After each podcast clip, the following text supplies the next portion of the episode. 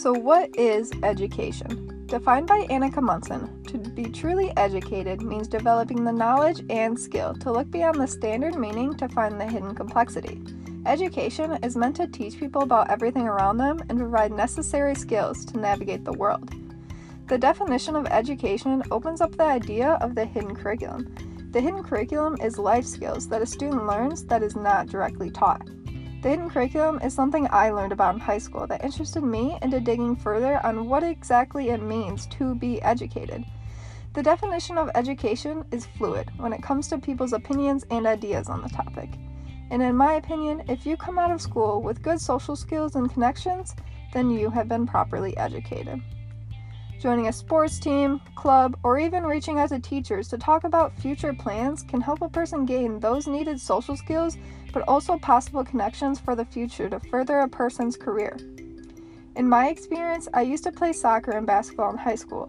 Beginning in my freshman year, I was a very antisocial person and did not want to be involved or participate in anything. But I joined, and once I was on the team, I was expected to communicate on the field and court and express issues that were happening during a game or practice. I had a personal experience where I became the captain of the soccer team sophomore year, and with that comes a lot of responsibility. One of the responsibilities I had was to create a warm up for the team and show the rest of my teammates. This allowed me to be able to take charge while also still learning new skills and ideas.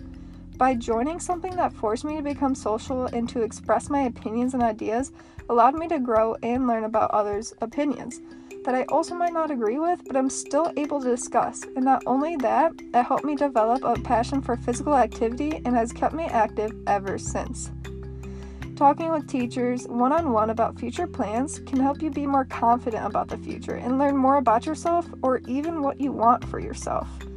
When I was a senior in high school, I took a criminal justice course, and my instructor, Tammy Colling, would not only teach us the required material for the course, but also life skills. There was one instance where my teacher would take us out of the classroom once a month and had us do some sort of community service.